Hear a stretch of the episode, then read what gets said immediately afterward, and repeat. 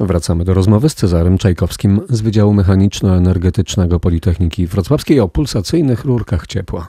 Jak duży zespół pracuje nad superrurkami? Tutaj we Wrocławiu my jesteśmy e, zespołem naukowców e, prowadzonych e, pod kierownictwem profesora Sławomira Pietrowicza. Liczy sobie sześć osób, więc zespół nie jest, nie jest ogromny. Ale z ogromnymi ale... widokami, tak. Tak, i pracujemy w pocie czoła już można powiedzieć od 2016 roku.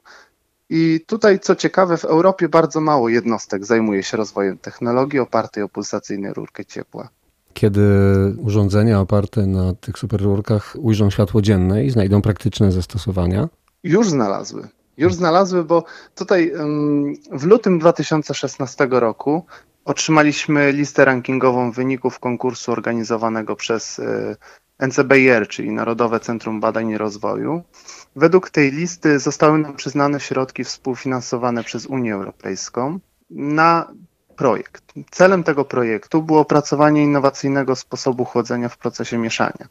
Y, realizowaliśmy ten projekt y, z dolnośląską firmą Globimix, a w efekcie końcowym śmiało mogę stwierdzić, że powstało jedno z pierwszych na świecie komercyjnych urządzeń wykorzystujących pulsacyjną rurkę ciepła. Jest to dissolver tak zwany, jest to mieszalnik do produkcji farb, szpachli, klejów. Świetnie.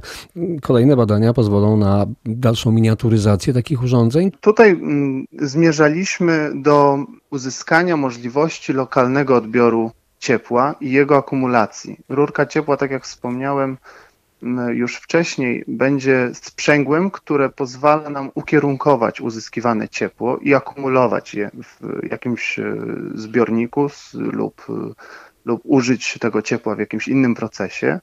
A w dissolverze samym jako mieszalniku uzyskaliśmy możliwość lokalnego odbioru ciepła, czyli mhm.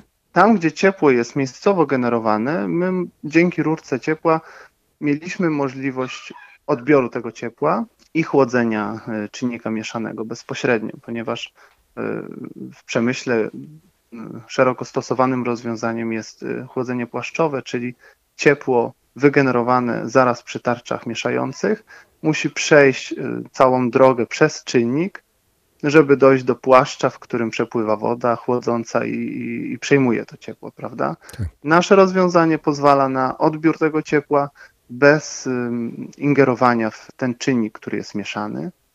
I można powiedzieć, że to jest tym innowacyjnym rozwiązaniem i, i podejściem do e, realizowanego procesu. Czyli jak słyszymy, przemysł chemiczny już zawojowany, teraz przemysł kosmiczny na horyzoncie. Życzę powodzenia i szybkich sukcesów. E, naszym gościem był Cezary Czajkowski z Wydziału Mechaniczno-Energetycznego Politechniki Wrocławskiej. E, jeszcze raz dziękuję za spotkanie. Bardzo dziękuję. Radio Wrocław. Projekt Nauka